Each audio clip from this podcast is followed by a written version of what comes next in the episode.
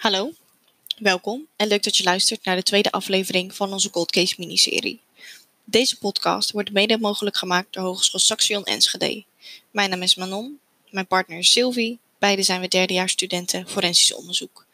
Deze podcast is de eindopdracht van het onderdeel Cold Case van de minor die wij volgen. Mij zullen jullie horen in deze aflevering en Sylvie in de laatste.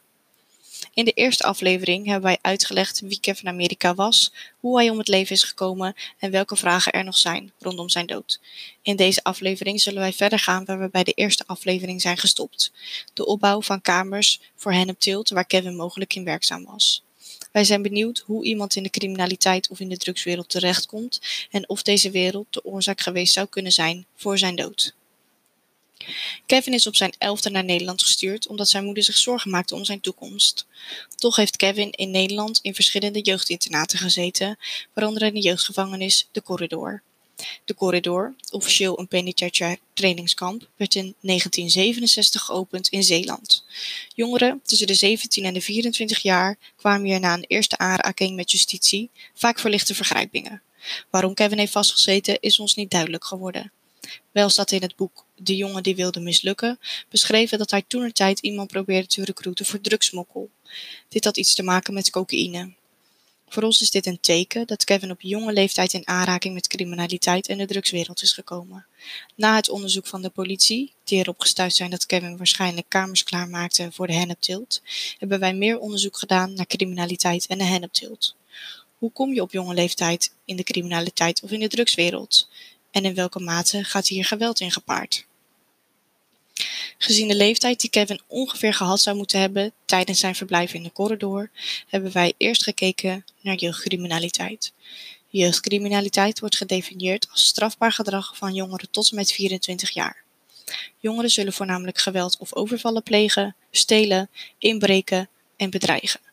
Eenmaal in aanraking met criminaliteit zullen een derde van de leden van criminele jeugdgroepen op latere leeftijd deel uit gaan maken van een crimineel netwerk. Dit netwerk zal zich voornamelijk bezighouden met middelzware tot zware criminaliteit. Vaak worden de delicten in de buurt van een crimineel gepleegd. Dit wordt ook wel distance decay genoemd. Het is eenvoudiger om delicten te plegen in een bekende omgeving dan in een onbekende omgeving. Hoe jongeren precies de drugswereld inkomen is niet duidelijk. Waarschijnlijk heeft dit te maken met het feit dat ze al in het criminele circuit zitten en dat drugs snel en veel geld verdient. Wij denken dat het waarschijnlijk is dat Kevin contact had met wellicht dezelfde mensen als vroeger in de hennepteelt toen hij zijn eigen bouwbedrijf startte. Bij het opbouwen van een hennepkwekerij zijn er verschillende aspecten die een rol spelen. Zo dient er genoeg ruimte te zijn voor de planten. Er moet goede lucht toe en afvoer zijn en voldoende licht en water. De juiste lampen moeten gebruikt worden, geurfilters maskeren de wietgeur en de grond waarin geteeld moet worden dient voedend genoeg te zijn. Een timer zal ervoor zorgen dat de planten genoeg licht krijgen voor de periode dat het nodig is voor de plant om te groeien. Al die benodigdheden om de plant optimaal te laten groeien kost stroom. Om kosten zo laag mogelijk te houden, wordt de benodigde elektriciteit bij grote wietplantages vaak buiten de meter om afgetapt. Dit wordt gedaan zodat de energieleveranciers de hennepkwekerij niet kan ontdekken en het bespaart geld. Om dit netjes en veilig te doen is er vaak iemand nodig die verstand heeft van elektra. In dit geval zou Kevin wellicht deze persoon geweest kunnen zijn.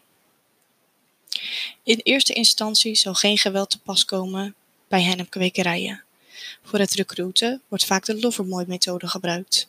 Er wordt onderzocht uh, welke jongeren kwetsbaar zijn en zij worden verleid om mee te doen. Geweld komt later voor, vaak bij het leeghalen van de kwekerij, net voor de oogst, en dan worden de jongeren beschuldigd van een ripdeal. De recruiters zullen vermoeden dat de jongeren een andere bende hebben getipt over waar de hennep is.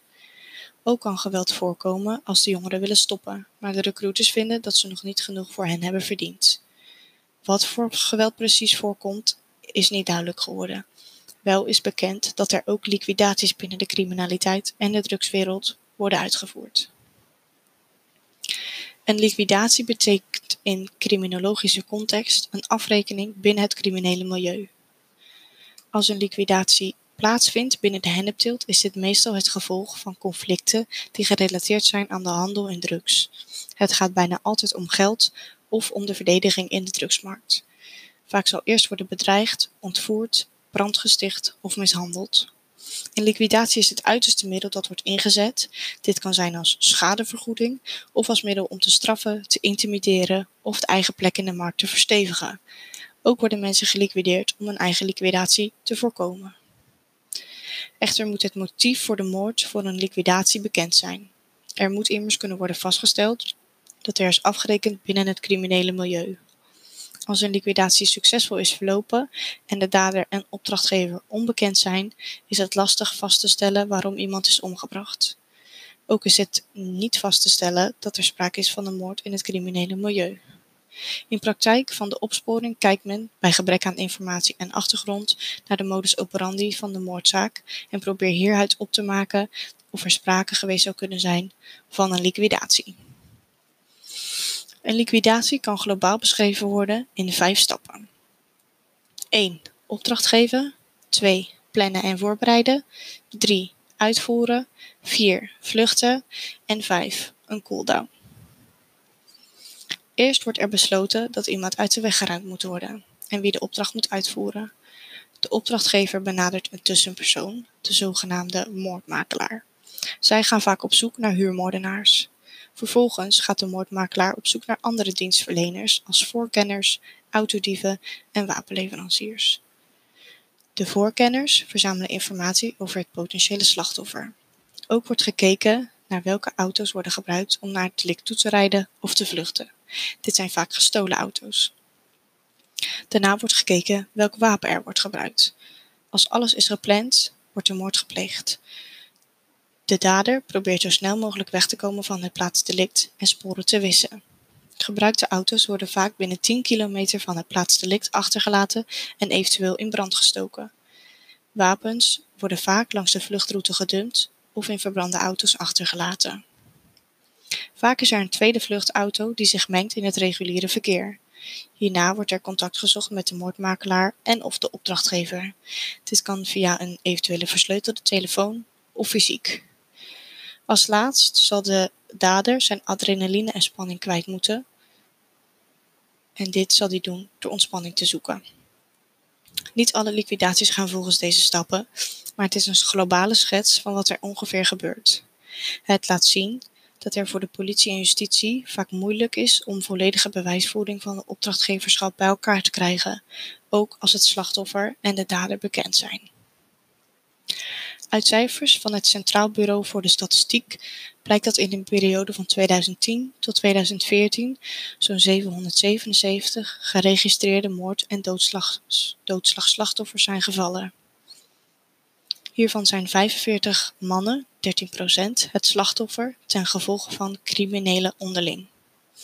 Er zijn verschillende factoren die een rol spelen bij het in aanraking komen met criminaliteit of drugs, in Kevin zijn geval. Waar hij voor vast heeft gezeten is niet duidelijk geworden, maar er is wel naar voren gekomen dat hij iemand probeerde te recruiten voor het smokkelen van drugs. Misschien is hij in de gevangenis wel met mensen in aanraking gekomen en heeft hij daar altijd contact mee gehouden. Of er zijn nieuwe contacten ontstaan. Als de moord op Kevin in de criminaliteit of in de drugs gevonden zou moeten worden, is het duidelijk dat er een hoop dingen vooraf gaan aan het plannen van een liquidatie en er zijn veel verschillende personen bij betrokken. Er kunnen mensen betrokken bij zijn geweest die Kevin kenden, of het zou een tussenpersoon geweest kunnen zijn. Dit is helaas alleen maar een speculatie. Als je informatie hebt, heb dan de moed en deel je verhaal met de politie. Een klein detail kan al van cruciaal belang zijn, zelfs na al deze jaren. Kijk op www.politie.nl/slash coldcase voor meer informatie over cold cases of deel de informatie die je hebt. Dit kan door te bellen met de opsporingstiplijn op 0800 6070. Dit is gratis. Je kan ook vertrouwelijk bellen met het Team Nationale Inlichtingen op 079 345 8999. Je kan ook meld misdaad anoniem bellen op 0800 7000. Dit is ook gratis. Of maak gebruik van het tipformulier dat je vindt bij de beschrijving van de zaken. Bedankt voor het luisteren. Blijf scherp en tot de volgende aflevering.